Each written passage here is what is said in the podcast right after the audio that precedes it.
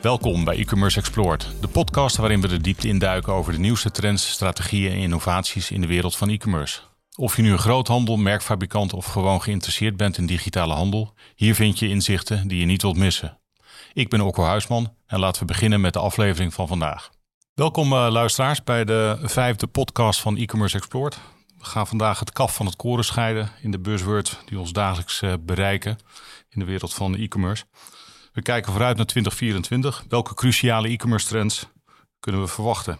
Ik zit hier aan tafel met Bas Peters van uh, XCOM, algemeen directeur. En Rian Fay, Digital Marketing Director van uh, Bise Food Group. Bas, kun jij jezelf even nader toelichten? Ja, zeker. Ik ben Bas Peters. Ik ben uh, 48 jaar. Bijna 24 jaar geleden heb ik samen met mijn toenmalige compagnon heb ik, uh, XCOM uh, opgezet. De XCOM is een digital agency. Wij ontwikkelen webshops en verzorgen de digital marketing voor bedrijven. met name voor de MKB en MKB Plus. En zowel voor de B2C als B2B. Maar en heeft Elon Musk je al gebeld om de naam te kopen? Nee, jammer genoeg niet. Nee. Rian. Uh, mijn naam is Rian Fay. Ik ben uh, digital uh, marketing directeur Bise Foodgroep. Je durft je leeftijd niet te noemen? mijn leeftijd matcht niet helemaal bij de e-commerce tijd. ik ben 63. Um, veel jaren ervaring in e-commerce. de laatste drie jaar bij de Bise Foodgroep, onderdeel van de Wensing Food Family. Groot foodbedrijf in de productie en distributie van voedingsmiddelen. Omzet uh, 2,2 miljard, uh, 110, 120 bedrijven. En volop uh, onderdeel van de voedseltransitie die wereldwijd gaande is. Um, daar hebben we de afgelopen jaren een groot project in gang gezet om te digitaliseren. En dat is onderdeel van waar we vanmiddag over praten. Mooi. Dus iemand uit de praktijk, iemand uit de agencywereld. Bas, kun jij eens een aannemen, kun je ons meenemen een aantal trends die jij voorziet de komende jaren, volgend jaar? Ja, nou, de trends die je op komende, ja, op, op korte periode ziet, dat is uh, wat al langer gaande is, generatie Z. Uh, generatie Z uh, wil niet meer wachten op informatie. Processen moeten heel snel gaan. Dus digitalisering, verregaande vorm van digitalisering is gewoon heel erg belangrijk. AI natuurlijk, artificial intelligence. vorig jaar in november, het kwam er al heel lang aan, maar vorig jaar in november werd ChatGPT bekendgemaakt. Nou, de, de, de, snelheid en de mogelijkheden daarvan, ja, die, die, die verrassen je gewoon. Uh, ik denk dat het wel een beetje overhyped was op dat moment, de, toepasbaar, de directe toepasbaarheid. Uh, maar op het moment dat ik dat zeg, kan dat al ingehaald gaan worden. En het wordt heel, heel erg uh, groot. Ja. Rian, je zit in een hele traditionele wereld volgens mij. Klopt. Hoe ga jij om met dit soort trends? Uh, hoe pak jij die op? Wat kun je iets meer over vertellen? Als, we, als groep hebben wij de afgelopen jaren eh, heel veel geïnvesteerd in die ICT-infrastructuur. Dat betekent dat al onze bedrijven nu op één platform zitten. En met platform bedoel ik het ICT-platform, maar ook het platform wat communiceert naar onze klanten. Want ja, die uh, eisen bijna een uh, B2C-ervaring in de zeer complexe B2B-wereld. Maar platform bedoel ik ook het distributienetwerk wat we gebruiken voor de voeding, wat door heel Europa loopt. En waar ook een enorme transitie gaande is uh, en versnelling uh, noodzakelijk is om aan al die toenemende eisen te voldoen. Dus daar investeren we veel op, uh, experimenteren heel veel met de nieuwste technologieën. variërend van Google Glass die we gebruiken voor orderpicking, tot drones die onze voorraden tellen, tot uh, eh, AI die de vraagvoorspelling van supermarkten uh, doet namens uh, onze klanten. Dus we investeren daar heel veel op en proberen de backbone voor de toekomst neer te leggen om de voedseltransitie te ondersteunen met alle effecten die daarbij horen. Indrukwekkend. Ja. Kun je ook zeggen, hè, dus je zegt we experimenteren veel, maar kun je ook zeggen dat het daadwerkelijk leidt tot minder kosten, tot een betere customer experience, tot, tot blijere klanten? Tot bij klanten uh, leidt het zeker. Tot be, uh, besparingen zeker nog niet. Omdat de investeringen groot zijn. Het zijn complexe trajecten. Uh, het de brug slaan tussen de technologie die beschikbaar is en operationele systemen is razend complex. ChatGPT is een mooi voorbeeld. Daar experimenteren we ook volop mee om artikelomschrijvingen bijvoorbeeld geautomatiseerd tot gang te laten komen. Om foto's geautomatiseerd tot gang te laten komen. Maar dat heeft nog wel even tijd nodig. Bas, dat heeft nog even tijd nodig, zegt uh, Rian. Hoe, de hoe resultaten zijn overigens fenomenaal. Dat, ja. uh, maar echt die brug slaan is nog lastig. Ja. Hoe, hoe, kijk jij daarnaar? Ja, klopt precies uh, wat er gezegd wordt. Ehm, vooral contentcreatie, daar wordt het op dit moment nog het meeste voor gebruikt. En uh, landingspagina's maken, dus specifieke pagina's maken, daar is ChatGPT en de, de apps, die zijn daar heel goed in. Uh, waar nou heel erg de behoefte naar, naar uh, in ligt, is in een productverrijking. vooral bedrijven die duizenden of zelfs tien, honderdduizenden producten hebben, is dan een heel arbeidsintensief proces. En daar wil je ChatGPT voor inzetten en andere apps inzetten voor de productverrijking. Uh, echter, het is ook bekend, en ze noemen dat hallucinaties, dat, uh, dat er verkeerde informatie in komt te staan. En dan is het toch nog belangrijk dat er een menselijke handeling is om die controle uit te voeren. Dus jij zegt het is een goede aanzet, maar je zult altijd nog als mens overheen moeten om eventuele fouten eruit te halen? Of dingen, onjuistheden? Nou, ligt tweeledig. Dat is op dit moment. En dat is de technologie die op dit moment uh, aanwezig is. Uh, daar wordt heel erg hard aan ontwikkeld. Maar het is natuurlijk ook het leerproces, wat je net ook zei, van ja, welke input geven wij om daar een goede output uit te krijgen.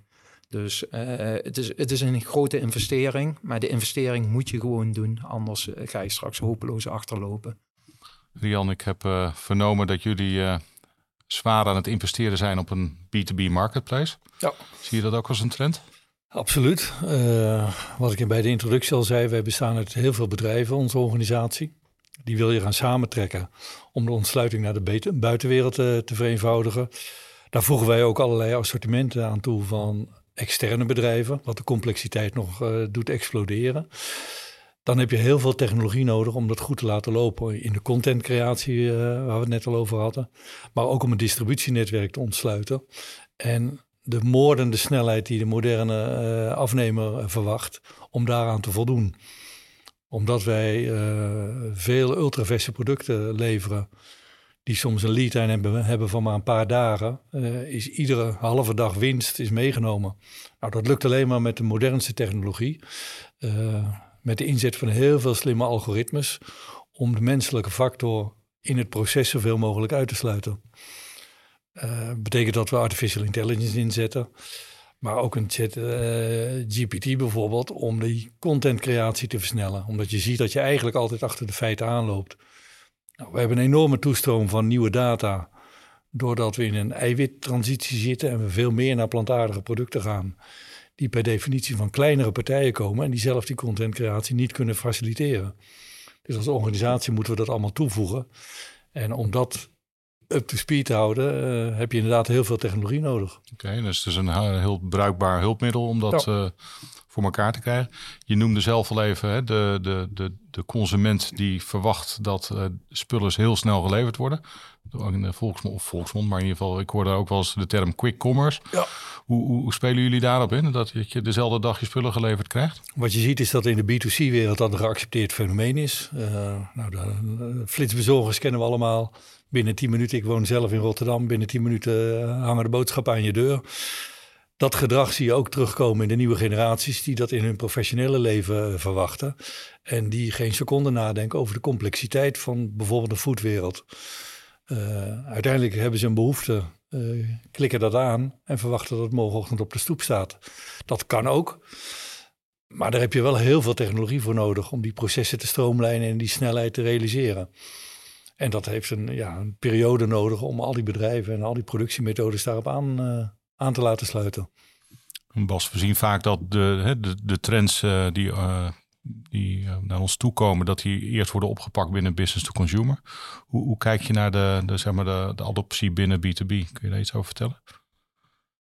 Ja, en dan komen we straks ook op een stuk voor naar de toekomst toe. Van uh, wat, wat zijn de trends op langere termijn, van 1 tot 5 uh, eh, jaar. Um, emotieverkoop is heel erg belangrijk. Emotie, uh, dat verkoopt. En ik denk dat ook straks naar de business toe, businessmarkt, dat dat steeds belangrijker wordt. Dat je via emoties of middels emoties dingen kunt gaan verkopen. Onderschrijf je dat, uh, Rian? absoluut. Wij zitten in de wereld van food en dat is alleen maar emotie. Uh, dat is iets anders dan wanneer je een non-food product koopt waar minder emotie mee samenhangt in de regel. Dat betekent ook dat wij een enorme behoefte hebben aan rijke content. Om die gebruiker digitaal te overtuigen om de juiste beslissingen te nemen. Maar ook om bijvoorbeeld recepten te genereren op basis van de data die wij aanbieden.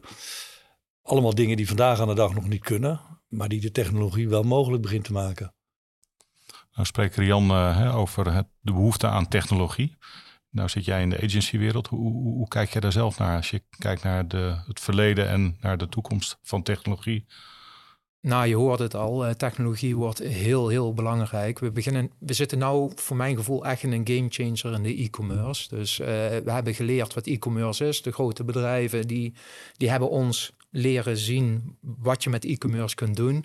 En het wordt nu een uh, primair bedrijfsproces. ik denk qua technologie dat we ook de menselijke interface met technologie, dat dat heel erg gaat veranderen de komende 1, 2, 3, 4, 5 jaar. Uh, je noemde net al de Google Classes. Apple die zou dit jaar al met de iClasses uh, komen. Met een relatief laag prijspunt, dus rond de 500 dollar. Ze dit jaar niet, komen ze volgend jaar. Maar wij gaan straks de het internet, de computers, die gaan wij bedienen met de handen, met de ogen. Uh, straks als uh, met neuro, dus met jouw denken. En uh, die technologische verandering, dat is een hele grote verandering, wat wel heel veel kansen gaan bieden voor e-commerce. En, en nou kom jij, jullie waren voorheen, of in ieder geval wat ik weet, is dat je open source technologie implementeerde bij klanten. Hoe, zie je dat? zie je daar nog dingen in veranderen? Ja, uh, nou, toen wij in 2000 begonnen, toen was er was nog niks. Dus uh, we gingen webshops ontwikkelen vanuit, vanuit niets, eigenlijk vanaf scratch af aan. Nou, daar kennen we de problemen van, heel erg kostbaar. En op een gegeven moment, naarmate de complexiteit rees, kwamen er ook steeds meer kwaliteitsissues. nou, de oplossing was rond 2008, 2009, rond die tijd kwamen de eerste echte open source webshops. En dan bedoel ik een uh, Magento bijvoorbeeld. Uh, daar leek dat probleem mee getackeld te zijn. En in eerste instantie was het ook. Je kon veel goedkoper een hele goede webshop met heel veel functionaliteiten opzetten. Maar naarmate de e-commerce ontwikkelt en daar ook de verwachtingen en eisen van uh, zich ontwikkelt, zijn er steeds meer specialistische partijen rond die e-commerce platforms zijn daar add-ons voor gaan ontwikkelen. En die add-ons aan zich. Dus uh, dat werkt prima. Maar als je al die add-ons wilt gaan combineren, ja, daar, uh, dat is een recept waar problemen, waar issues kunnen ontstaan. Waardoor het on, uh, open source e-commerce platformen toch heel erg prijzig zijn. En wat ik nog erger eigenlijk vind, je kunt van tevoren heel moeilijk bepalen wat de kosten gaan worden, ook qua updates en dergelijke. En uh, je zag, Shopify zag je al komen. Alleen qua mogelijkheden is dat beperkt. En zie ik het meer als een entry level, ook voor de business to business. Maar je hebt nu platformen, SaaS-platformen, software as a service platformen. Ja, ik, ik moet de verschillen nog eens zien die ik uh, met Magento wel opgelost krijg en met deze platformen niet opgelost krijg. En dan weet de klant, het is niet per definitie veel goedkoper. Maar de klant weet wel wat hij krijgt. En met updates is er geen status quo van ja, de beveiliging, alles is weer op orde. Je krijgt functionaliteiten erbij, vooral aan de backend, wat je productiviteit ook weer ten goede komt. Dus ik denk dat nu een hele strategische keuze is voor heel veel bedrijven, zeker in het MKB, om serieus te gaan kijken naar uh, SaaS-oplossingen. Dat sluit ik me wel weer aan.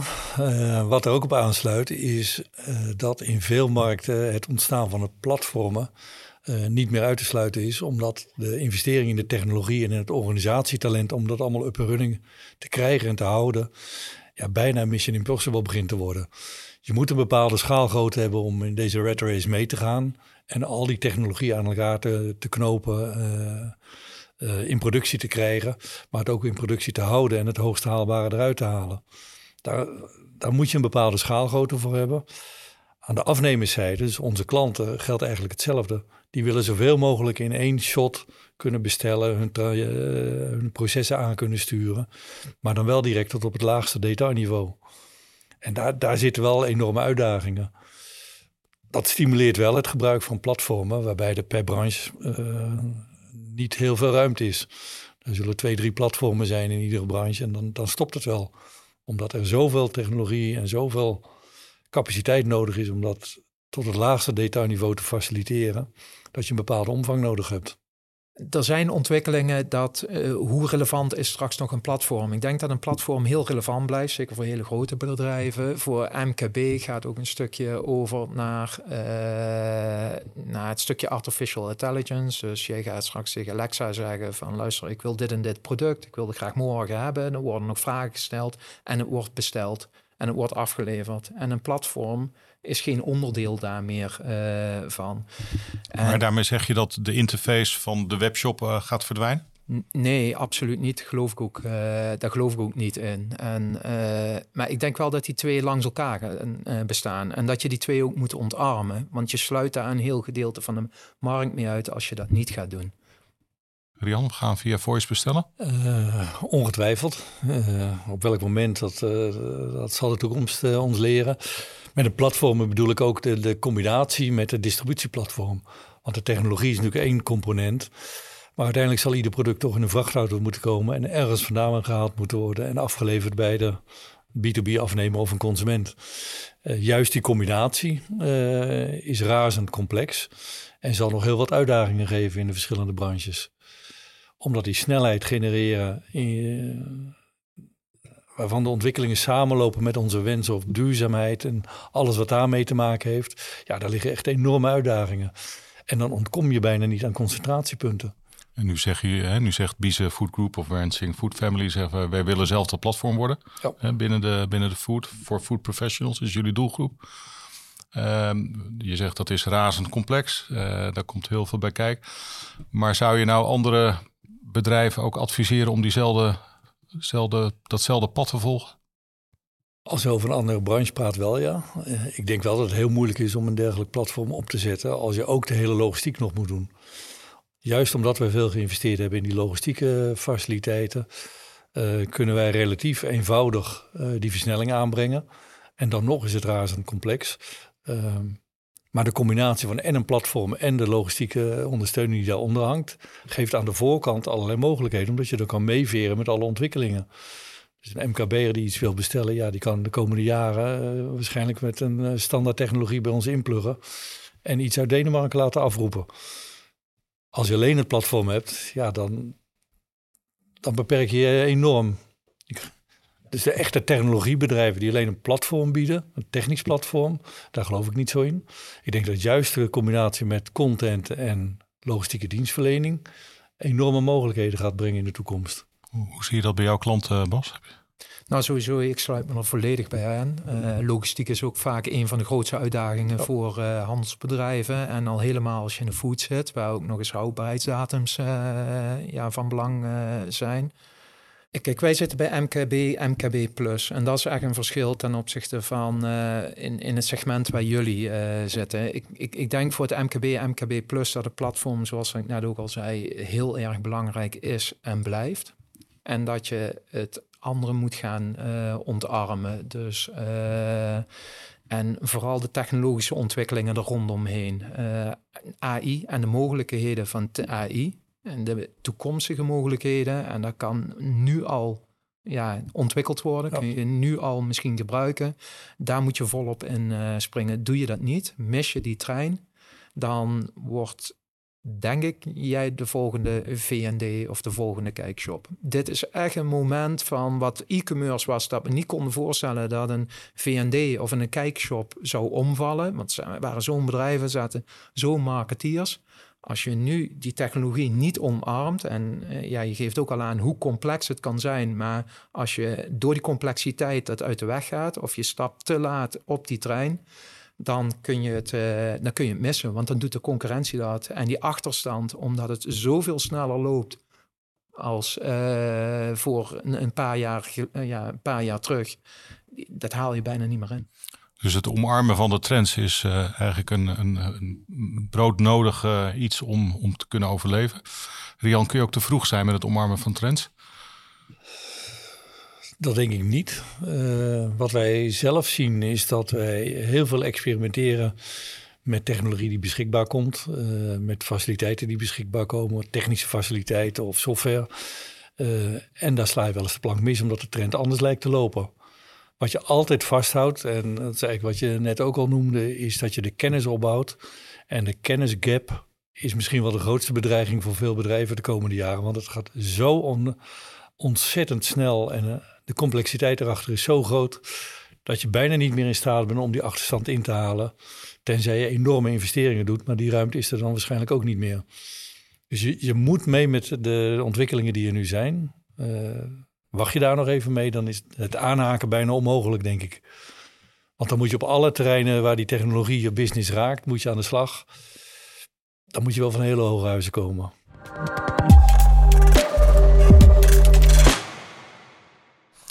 Ik heb een stelling. En de stelling van vandaag is: AI-toepassingen zoals ChatGTP gaan e-commerce organisaties compleet veranderen.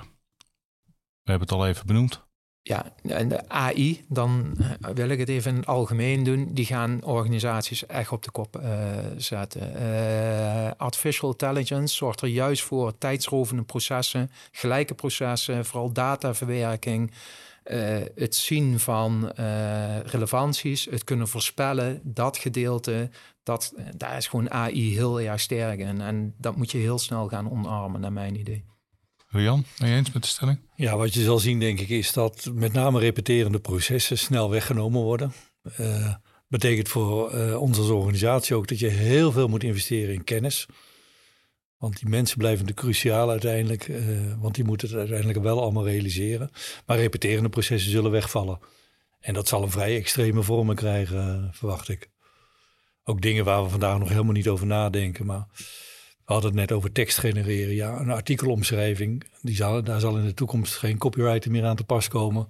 Hoogstens nog wat kwaliteitscontrole.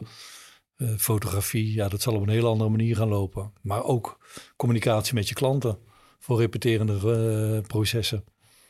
Noem een voorbeeld. Wat wij nu doen is natuurlijk veel uh, ja, het oude telefoonverkeer, e-mailverkeer, chatverkeer. De inzet van de technologie maakt het mogelijk dat de klant zelf zijn weg vindt en heel veel zaken zelf kan oplossen zonder dat hij daar onze kennis voor nodig heeft. Omdat die kennis in de systemen embedded zit. Dus, uh, eigenlijk alle repeterende zaken die kun je daar afvangen. Waardoor we met onze klanten en onze prospects vooral over know-how van de producten en de logistiek daarachter kunnen communiceren. Maar niet over repeterende zaken of ordeprocessen en alles wat er administratief met elkaar uitgewisseld wordt. Ik had uh, een, in de eerste aflevering van de podcast had ik een gast, uh, was Maarten van Railpro. En die had de wens om de komende jaren zeg maar, de, de ketenintegratie te optimaliseren. Dus dat de bestelprocessen van, nou, zeg maar, van zand tot klant, dat die door, door alle ketens heen gekoppeld zouden zijn. Hoe, hoe zie jij dat, Bas? Ja, ik zie dat in, in de het is al jaren bezig, dus die verticale ketenintegratie. En uh, het, is, het kan heel, heel complex zijn, wat je net ook aangaf. Want je gaat verschillende systemen aan elkaar koppelen en de integraties maken. Maar is cruciaal dat je dat uh, gaat doen. Dat de menselijke handelingen zoveel mogelijk uh, eruit gaan. efficiënter, kosten efficiënter en fout minder gevoelig. Blik op de toekomst. Welke trends verwacht jij over vijf jaar nog te zien, Rian? Ik denk dat we eh, heel sterk gaan naar grote distributienetwerken op Europese schaal. Als ik over de voedingsindustrie uh, praat. het zal niet meer mogelijk zijn voor individuele producenten om al die leveringen nog te coördineren met de enorme complexiteit die daar achter hangt. we gaan naar een voedseltransitie toe die het uitnodigt dat veel start-ups en scale-ups betrokken zijn bij die ontwikkelingen. En die hebben al dit soort zaken niet in huis. Die hebben heel veel know-how van producten en productontwikkeling. Maar als er serieuze productie nodig is, of distributie of ICT, dan wordt het toch wel erg lastig. En dat, dat nodigt uit om gebruik te gaan maken van platforms. Dat gebruikt ook uh, de grote afnemer. Want ook die zal niet meer in staat zijn om al die individuele partijen te handelen en ICT-technisch of distributietechnisch af te wikkelen. Dus je zal naar concentratiepunten moeten, uh, ook in de, de, de, eindafleveringen. We willen niet meer dat de stad uh, vol rijdt met vrachtauto's en bestelauto's. Nou, de technologie gaat dat grotendeels voor ons oplossen. Maar dan heb je concentratiepunten nodig. Bas, hoe kijk jij naar, naar trends over vijf jaar? Wat zie je voor je? Ja, je, ziet dus dat uh, jouw eigen webshop, je eigen platform niet meer het enige platform is. Dat er heel veel andere platformen voor jouw bestellingen gaan realiseren of voor jouw klanten bestellingen gaan uh, realiseren. Dan is het natuurlijk wel van belang dat jij relevant blijft en dat niet alleen de hele, hele grote spelers overblijven. Want AI maakt dan de keuze van die hele grote spelers. Dus ik denk dat het heel belangrijk wordt dat je een heel goed merkstrategie gaat voeren dat je een uh, positieve merkpositie uh, uh, krijgt. Ook top of mind bij mensen. Dus als wij je computers geleverd krijgen of bureauaccessoires, dat soort dingen. En jij hebt hele goede ervaring met een bepaald merk, met een bepaald bedrijf. Dat je dat ook als bron meegeeft. Van ik wil dat daar bestellen en ik wil deze en deze computer. Dus je geeft het als kader mee. wat ik al zei, we gaan we gaan echt af van de interface van uh, toetsenborden, muizen. Dus we gaan uh, echt met, met handen, met ogen, straks een keer met onze gedachten zelfs sturen.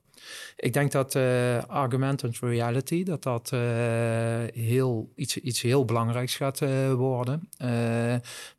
dat de reële wereld waarin jouw producten geprojecteerd worden... Uh, dan ga je echt emotieverkoop uh, krijgen. En ik denk dat dat dan ook een hele erg belangrijke is.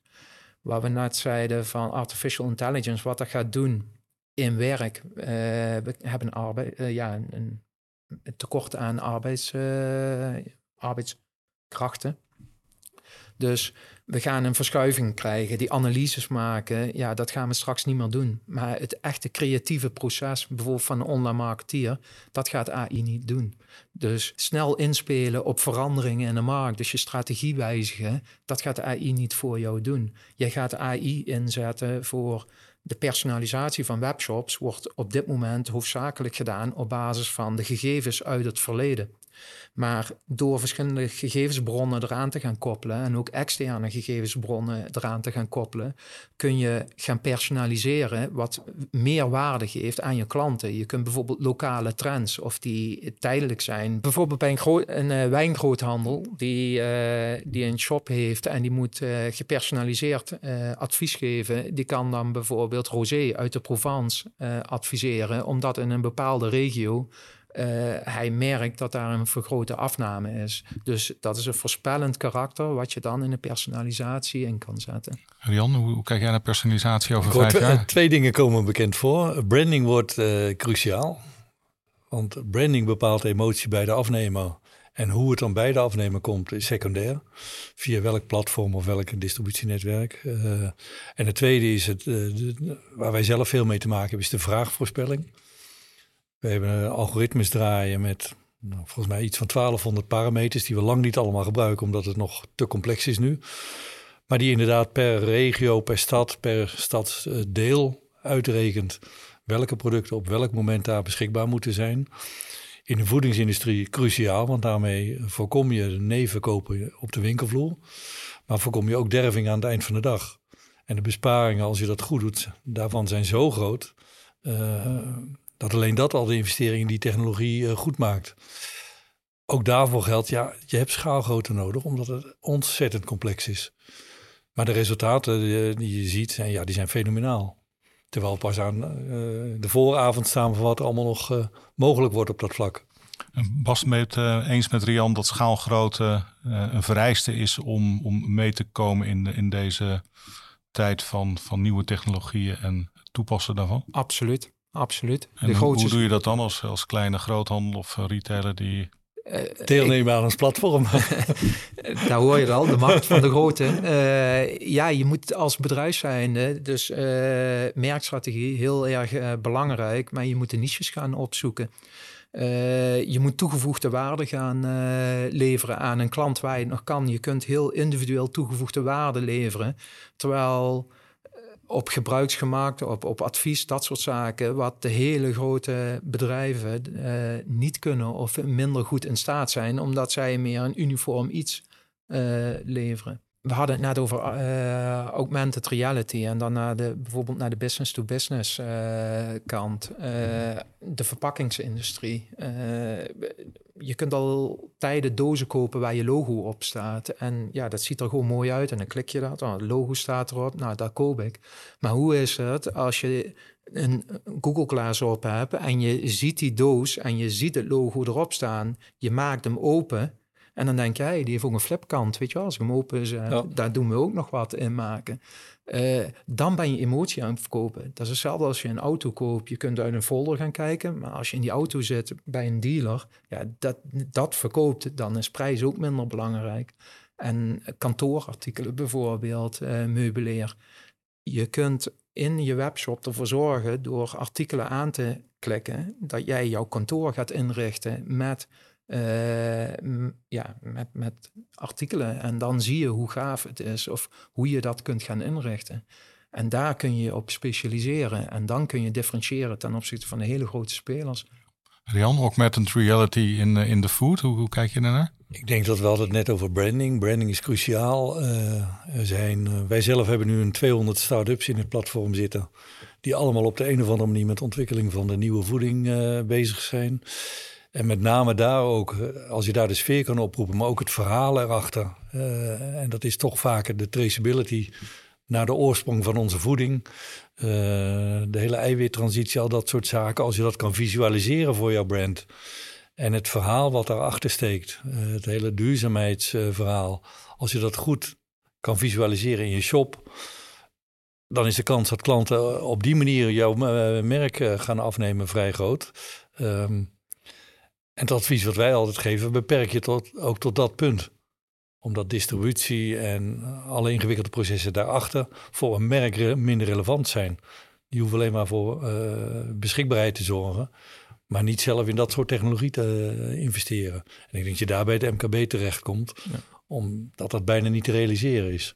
Bas, nog een advies voor het MKB? Ja, ga, eh, ga je webshop. Je ziet, je ziet het gelukkig steeds minder, maar ga dat als primaire strategie, uh, ga dat als primaire strategie zien. En uh, omarm echte AI. Dus, noem, noem, je dat nog een webshop? Ga, ja, hoe bedoel je? E-commerce? Ik denk dat de start-ups die wij tegenkomen, adviseren wij ook altijd stop met die webshop ik noem het dan maar even catalogus. Je moet natuurlijk gaan communiceren over het product, over de brand, over de producten, over alle details die je nodig hebt. Maar zo gauw je procesmatig iets doet, moet je eigenlijk afscheid nemen. En dat niet in je eigen webshop uh, willen faciliteren. Want een klant wil in de regel ook een one-stop shop. Ja. Die wil niet bij twintig webshops producten inkopen. Dat is niet te handelen in de praktijk. Maar goed, dan zeg jij, eh, je moet je als klein duimpje aansluiten bij uh, de, de, grote Questa. Voor het proces. voor het proces.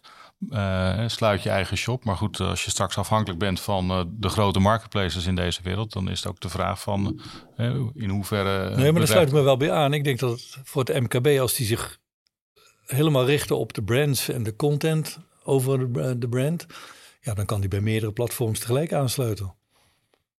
Maar niet, meer zijn, maar niet meer zijn eigen kanaal. Maar zeker niet zijn eigen kanaal. Ja, ik zou zeggen, zeker niet alleen zijn eigen kanaal. Uh, je, je geeft je distributie, dus je, je kanaal geef je volledig uit handen aan, aan de grote merken waar het, het grote geld speelt. Dus ik, ik, ben niet zo'n voorstander van om dat allemaal uit handen te moeten geven. En ik vind daar ook een stuk van de overheid bij, een taak van de overheid, om dat tegen te gaan.